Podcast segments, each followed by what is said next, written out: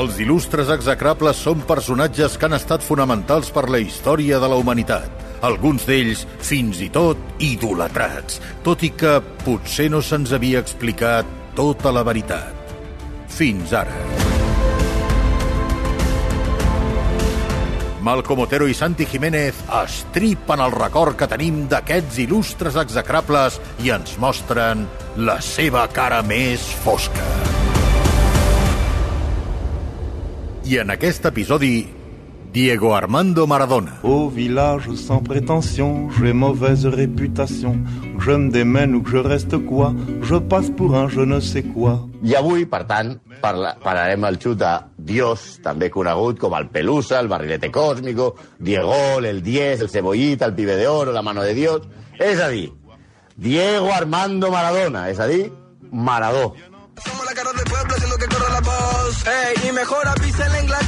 Escolta, i el calamaro? la guerra. Uh, no hi ha calamaro, no? Vale. Tampoc posarem calamaro. Bueno, ja m'esperava que... Ai. Diego pone el centro, Batistuta mete el gol. Ah, Batistuta, tu. Quin record. Sí, diu, si Diego pone el centro, Batitud te mete el gol. Ja sé que esperava tots la cançó de Calamaro, però és que si torno a escoltar la cançó de Calamaro em dono un ictus, de veritat. A més, hem decidit no posar cançons conegudes, que hi ha moltes sobre Maradona. I en aquest rat ja diu, Diego pone el centro, Batistuta pone el mete el gol, suficient. Val. En fi, anem amb el Diego. Ja, ja, ja diu el, el savi Miguel Rico que no s'ha de confondre el Diego amb Maradona. És veritat que també ho diu Maldano, però amb 15.000 quilos d'almíbar i molt millor eh, Miguel Rico, no es pot comparar. Intentarem separar bé, Miguel. Doncs el Diego és un nen de Villaflorito, zona molt humil de Buenos Aires, qui diu humil, diu xunga de veritat. Els seus pares, don Diego i doña Tota, patien molt per alimentar vuit fills, el, tres nens i cinc nenes. El Diego va dir una, una, en una ocasió que la seva mare, cada dia a l'hora de dinar, deia me duele el estómago. I als 13 anys es va donar que mai li va fer mal l'estómac que el que passava és que repartia el menjar entre els seus fills i no havia per ella. Jo, que el barri era perillós. Imagina't si arriba a estar la família del Malcolm. el barri era perillós. Tant és així que el seu cosí li va regalar la primera pilota i ves que saber d'on l'havia tret i ell dormia amb ella dins de la seva samarreta perquè no li bèstia. D'aquí ve el Diego. Ens saltarem molts passos que són tot coneguts, allò de que 15 anys, debut a primera divisió, en el seu segon partit marca dos gols, es porta regular amb l'entrenador, perquè normalment es va portar regular amb els entrenadors, perquè per ell entrenar i concentrar-se no és el seu. Va a Boca Juniors, s'ha dit des de Argentinos Juniors, al Mundial d'Espanya, el Mundial d'Espanya tremendo que ell, Argentina cau a la segona lligueta, i el brasiler Batista també cau, cau a terra després de que Maradona li fotés una puntada assassina brutal.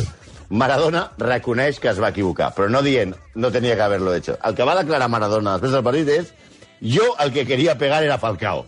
Em vaig, Ah, si sí, em va vaig això? equivocar, sí, jo volia pegar a Falcao, però no, es va equivocar de persona, no d'acció. I clar, el van expulsar i és la marxa de, de, de Maradona. S'ha de dir que en aquell Mundial a Maradona li van donar cera per tot arreu. I Òscar Nebreda va fer un gran acudit, a, a, em sembla que el periòdico en feia, que deia Maradona vino a España a buscar césped para su casa de, para su casa de, de Barcelona. I sortia Maradona amb les dents enganxades en la gespa i diu este, el de la cancha perica, que és el más suavecito. Pues esto, sí, Maradona el rebentaven a patades, sobretot Gentile. I ell, quan es va tornar, es va equivocar de, de personatge. El Barça els fitxa i el traspàs costa 1.200 milions de pessetes, eh? Uns 7,2 milions d'euros de l'any 82, Caríssim, que ara eh? Carles Tremendo, Tus... Que, però Carles Tusquets ara diu que va ser menys perquè van fer una pirula. Bé, coses de Núñez i del Barça. Ara, ara no el podrien pagar, eh? No, ara no. Ara no podrien pagar, no. Ara no, ara no, no els podrien pagar. Ara Maradona estaria enviant burofax. Va tenir l'hepatitis, els tres mesos fora, en Goicoechea li parteix el turmell, i, va, i, i tot acaba en aquell partit eh, que recordareu la majoria, i si no mireu les imatges, amb la batussa generalitzada contra l'Atlètic de Bilbao. És una, era, era un més o menys un, un partit de futbol que acaba com les 24 hores de futbol de Vilassar. Ah, quan ja tothom va borratxo, a hòstia pura, i allò a Isla Fantasia rebentant-se botelles els uns i els altres. Però, en lloc de fer-ho a Isla Fantasia o a Vilassar, ho van fer al Bernabéu. El van sancionar tres mesos sense poder jugar en competicions espanyoles. Això d'on venia? Això venia, només us, us citarem les declaracions que es van creuar abans del partit, a la prèvia del partit, eh, entre Clemente i Maradona. Clemente era l'entrenador de l'Atlètic Club de Bilbao. Eh, si ara resulta que ens queixem que els entrenadors a les prèvies no diuen res, eh, imagineu com va anar la cosa. Roda de premsa de l'Atlètic de Bilbao. Javier Clemente diu, dos punts cometes. Maradona és un gran jugador, però un imbècil de tomo i lomo. Hosti, va dir això? Sí. ¿Qué va a decir Maradona? Clemente no tiene cojones para decírmelo a la cara y no tengo intención de hacerle famoso ni de felicitarle por haber conquistado el título. Buen rollito. Clemente respon després. No le voy a decir nada a la cara porque él siempre va rodeado de 200 guardaespaldas. Él y yo hablamos un lenguaje diferente. Está terriblemente manejado y lo único que ha sabido hacer hasta ahora es ganar dinero. Perquè després diguin que ara hi ha molta tensió abans Hosti, dels partits, bèstia. no? Que bèstia. Clar, va ser. Aleshores, segons va explicar ell mateix, eh, a Barcelona és quan parla això, va provar això del que no parlarem, mm. però el problema de Maradona, com dèiem, és els amigotes, l'entourage, el, el, el, els companys. Clar, vosaltres Els penseu... tois ara, de Neymar, diguem-ne, no? el- Exacte, si tu penseu que els estois, els tois o els amics de Dembélé o els que vol- envoltaven a l'Elka eren, eren, eren diguem-ne, perjudicials, hòstia, amb els de Maradona, amb els de Maradona no t'explico. A veure, us explicarem una anècdota que em sembla que encara no ha sortit, i això és exclusiva mundial pel dia lliure. Ai, ai, ai, ai. Una nit, Maradona eh, fa un sopar a casa seva a Barcelona. Uh -huh. Un sopar amb un altre matrimoni, un matrimoni amic, que van els dos, van, són quatre persones. Res d'això de que explica la gent de que entramos y había travestis, enanos, unicornios, rayas de cocaïna que ocupaven tota la mesa de ping No, un sopar normal, normal vale. Amb, amb, amb, un, amb, una, amb una parella. Sí. I quan acaba el sopar, van a prendre una copa i diuen falta hielo. En la casa vivia, eh, vivia el, el seu cunyat. El, el, el seu cunyat es deia Espósito, però tothom el coneixia com, atenció, el Morsa. Vale. El Morsa era un home, com us podeu imaginar, gras, amb un bigoti de superintendente Vicente, de Mortadelo i Filemón, i li deien, i li deien el Morsa, i era el cunyau. I el cunyau. I aleshores, quan van veure que no tenien gel per prendre's unes copes, Maradona diu, no passa nada, Morsa, vení acá. Treu un bitllet de 5.000 pessetes i li diu, vete a buscar hielo a la gasolinera. Amb I el 5.000 tio peles. Surt. 5.000 peles. Eh, I el tio torna amb 5.000 peles en gel, de l'any 81. Posem, per exemple, que una bossa valia unes 25 pessetes. Va comprar 200 bosses. També s'ha de dir que el Morsa, en això de comprar bossetes, anava al Port Mayor, també t'ho dic, eh? Però bueno, 200 bosses va comprar, que vol dir 400 quilos de gel. Ni l'escàting té tant gel.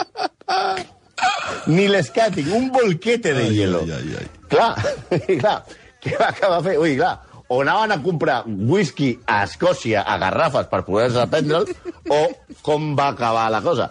tirant gel a la piscina, Ah, perquè clar. no sabien què collons fotre amb, 200, amb 400, qui, mitja tona gairebé de gel que havia comprat el, el tarat d'aquest del Morsa. bueno, doncs el Morsa, que és un exemple de la gent que va rodejar tota la vida a Maradona, va ser detingut després, anys després, diverses vegades per narcotràfic. I fa pocs anys el van detenir al costat de la germana de Maradona, la seva dona, això era una mena de Bonnie and Clyde a l'Argentina, per intent de robatori a mà armada. Penseu això. Home,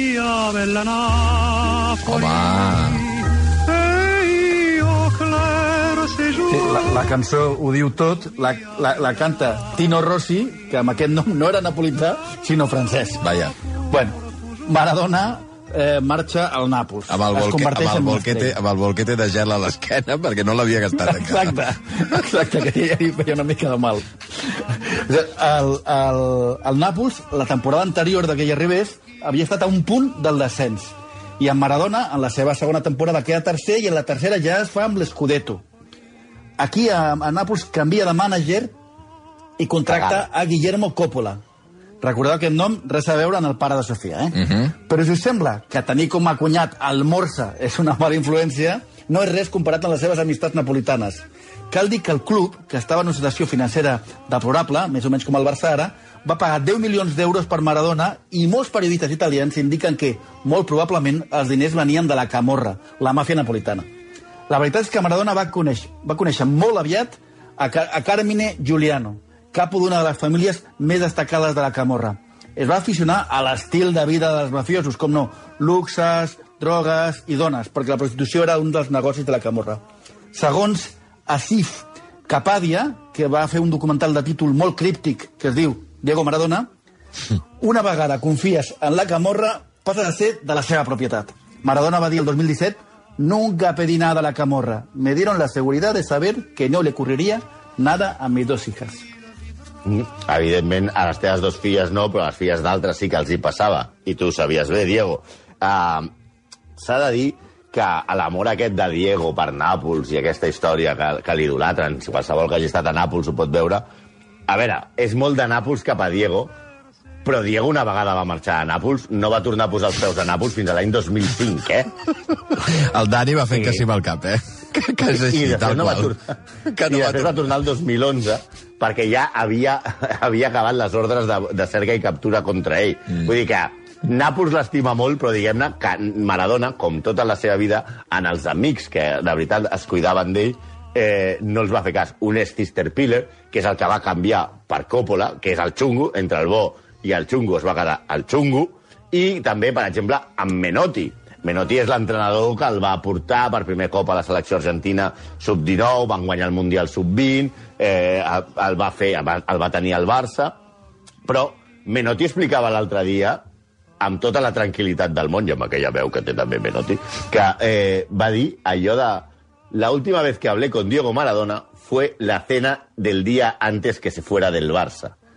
És a dir, molt amic de Menotti, el Flaco i molta gaita, però no van tornar a par... no, Maradona no va tornar a parlar amb Menotti des de l'any 1982. O sigui, a ell li anava més tenir coses. Aquesta, la gent que avalava el seu estil de vida, com per exemple la setmana de Maradona, el que es coneix popularment la setmana de Maradona. La setmana de Maradona es divideix en dos. Dilluns, dimecres, dilluns, dimarts, dimecres, festes i desfase. Dijous a diumenge, desintoxicació i entrenament. Per tant, és el sistema que va aplicar després Guti. O sigui, que Guti va plagiar de Maradona. Una anècdota també és que un grup que va passar a Nàpols és que un grup de delinqüents va atracar el banc de Nàpols on Maradona guardava els seus objectes valuosos. En el robatori, Diego va perdre moltes coses de valor, diversos rellotges de luxe i la seva pilota d'or del Mundial 86. I què va fer ell? No va anar a la policia, òbviament. Això es veu que a Nàpols no, no fa massa. Va contactar amb Salvatore Lo Russo, un capo de la, de la camorra perquè recuperés els objectes. Mai va, els, va recuperar. Va localitzar els delinqüents, però sembla que no eren grans aficionats al futbol i que sabien fos la copa per vendre l'hora pes. No tenim clar que els hi va passar als lladres, perquè crec que encara els busquen i el tros més gran és un pituto d'aquests petitons, petitons, petitons. Sí, la tensió sobre Maradona i la màfia era cada vegada més gran. I a part de marcar el gol de, de penal que elimina Itàlia en el Mundial del 90, que no el fa molt popular a Itàlia, es filtren enregistraments de Maradona parlant de drogues i prostitució amb els membres de la màfia. A la màfia no li interessa tanta publicitat i l'abandonen.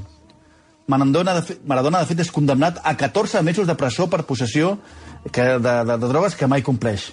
Començava la veritable caiguda en picat. Abandona el país i fitxa per Sevilla. Com a anècdota, a la gent que van ser esmentat, Guillermo Coppola, Maradona li va demanar que volia un Ferrari F40 negre, però li diu justament quan està pujant a l'avió per anar a Mèxic al, al Mundial. Coppola va començar a moure els seus fills per aconseguir-ho. Era molt difícil perquè només hi havia 40 unitats i Ferrari tenia més de 3.000 peticions. O sigui, era molt difícil. Però va parlar amb Agnelli, no sé qui, i va aconseguir que li donessin un. Després va mm, treballar molt perquè el pintessin de negre, perquè només els feien en aquell moment, només podia ser vermell. Va pagar, la xifra és interessant, 470.000 dòlars. A l'arribada a Mèxic, Maradona, que ja és campió del món i havent ficat dos dels gols més importants de la, de la història, l'esperaven a la pista el president del Nàpols, Corrado Ferla, eh, Ferlaino, el seu representant Coppola i el cotxe, el Ferrari F40 allà. Aleshores, Coppola li diu, president, per què no li regala vostè el Ferrari a Maradona i així queda molt bé? Així es va fer. Però Coppola li va dir que havia costat un milió. És a dir, va guanyar 530.000 dòlars en l'operació, perquè després diguin que ara les comissions són un accés. Perdió las ganas y está sola, noches con sangre en la boca por la culpa de un idiota que su furia desemboca en su ser. Los moretones no lo tapa el rímel, está llorando. Aquí se està clar que anem a parlar de la part més execrable i més, impa- més menys imperdonable de, de Maradona, que precisament, curiosament, va morir el dia contra el maltractament de les dones. Sí, senyor, Que és el 25. seu... El 25. A todo, mira, quien a hierro mata, a hierro muere. La seva relació amb les dones és lamentable, per dir al cap. En una ocasió no es va presentar... Ell, a ell li agradaven molt les dones, eh? En una ocasió no es va presentar en una concentració del Barça, va fugir per una suposada malaltia, allò que vam dir, el Barça va dir gastroenteritis, però realment el tio que estava era buscant uh, per, per, per intimar, diguem-ne, amb una famosíssima cantant argentina, però que això deixarem a part, eh? és igual, no, no toquem. La cosa és que totes les seves relacions van ser molt tempestuoses. Des del seu matrimoni amb Clàudia Villafañe, a qui va conèixer quan ella tenia només 17 anys, i amb la que es va casar amb, amb magnificència i per todo lo alto al Luna Park de Buenos Aires. Després d'haver tingut la seva primera filla, la dona es va assabentar per televisió, com, com Felipe amb el Gal, que Maradona havia tingut també a Diego Armando Maradona Jr. amb la, amb la model italiana Cristina Sinagra. La justícia va obligar a donar-li el seu cognom, però ell va negar i va renegar del fill que tenia amb Cristina Sinagra durant 30 anys. El va reconèixer el 2016 i va dir yo lo quiero muchísimo. Digo, ma, joder, para haberlo rechazado durante 30 años, quererlo muchísimo, quererlo muchísimo, no, no, no, no pot ser. També, eh, després va tenir una altra filla amb la seva dona, de la qual es va separar als 13 anys, i amb la que va acabar als tribunals i, i a la premsa acusant-se mútuament de frau i de violència. Ella també el va de violència psicològica. De fet, encara a l'oficina de violència domèstica argentina està la denúncia de Clàudia Villafañe contra Maradona.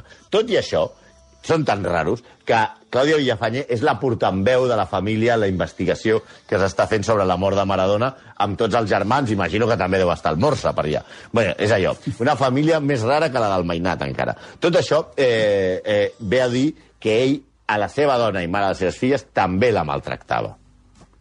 Sí, també va tenir una relació amb Verónica Ojeda, que, de, la que, de la qual va néixer Diego Fernando, que no va tenir problema en aquest cop a reconèixer. Però anys abans havia tingut amb la cambrera argentina Valeria Sabalain una filla, la Hanna, que no va voler eh, reconèixer fins la que va, es va fer les proves d'ADN i van demostrar que la, la, seva, la seva paternitat. Al final, òbviament, també la queria muchísimo a la Hanna. Sí, les estimava moltíssims, però fins que el jutge no els deia que les reconeguessin, no, no, no les estimava tant. Però el, el de no reconèixer els fills no és el pitjor. Tothom parla aquests dies dels clapscurs de Maradona, però el maltractament no és un ombra menor, no és una minúcia, ni serveix el del ningú no és perfecte i pobre tio, no. El 2014, 2014, estem parlant de fa dos dies, la seva nòvia, Rocío Oliva, el va acusar de maltractament. I hi ha un vídeo que s'ha pogut veure aquests dies, s'ha fet viral, amb, en el que es pot veure a Maradona donant-li cops de puny per mirar-li el mòbil. El vídeo és esgarrifós i és d'una persona que ha perdut totalment el control i que va pagant. També a Madrid, un cop, la policia, ella estava en l'hotel Villamagna, em sembla, va haver d'anar a, a, a entrar a l'hotel perquè els van avisar els mateixos eh, el, el, els, els hostes de l'hotel i la direcció de l'hotel perquè anés a a- a l'habitació de Maradona perquè estava fent... Eh, estava, estava una discussió terrible i se sentien cops, plats trencats, i va haver d'entrar la policia a l'habitació de Maradona i van trobar a Maradona pagant també a la seva nòvia. I ell va dir, va fer unes declaracions horribles després quan li van preguntar això. Atenció al que va dir, va dir, yo no soy un tipo pegador, pero a Rocío era como para pegarle en la cabeza. Oh. Sí, a, a Maradona li van quedar coses pendents amb la justícia, com la, de, la demanda de paternitat, una altra, que li va posar Santiago Lara, i que a més l'acusava de pedofília perquè la mare de Lara, de Santiago Lara, era menor quan el van concebre. També Anonymous, fa poc, va filtrar fotografies a Cuba amb unes noies nues que clarament són menors. Bueno, pues així acabem amb Maradona, geni, geni del futbol, i ja podem dir tot, i podeu explicar totes les històries de tota la gent, que també eh, l'altre dia comentàvem amb el Lu Martín que s'hauria de fer un homenatge els pitzeros que tenen la, la fotografia, com deia el Dani, i com deia Lu, a l'arquitecte de la casa. Perquè si és veritat, tota la gent que va estar a la casa aquella, aquella casa era més gran que el Camp Nou. O sigui, per tant, tampoc ens caguem totes les, la, la, la gent que diu que jo havia vist a Maradona con seis travestis i dos enanos, perquè igual no és veritat i ara s'estan aprofitant i s'estan tirant al pis. Però ara mateix, o sigui, jo em quedo... Saps que em quedo amb, amb la frase de... Amb el Morsa. No, no, a part del Morsa. No, amb el que has dit al principi, que el Dani Puntiprats per línia interna t'ha dit una pizzeria napolitana de Barcelona o té la foto de, de Maradona o no, o no cal ni que hi entri. Totalment. Eh? Clar, però ara això, com aquest, aquest programa és tan popular, ara totes les pizzeries napolitanes comprant una foto de Maradona per, per, per, és com una estrella Michelin, allò. Exacte, exacte. Va, Això és veritat, si com a, les com a estratègia, són, ara. Són, són antigues. Són antigues. Es Són nota, antigues. es nota. Ah, es nota, es nota, es nota. Retalls de diari, exacte. Bueno, execrables, que vagi molt bé. Apa. Si vols veure caure més mites, no et perdis la resta de capítols d'il·lustres execrables Gran Reserva a la app de rac i a rac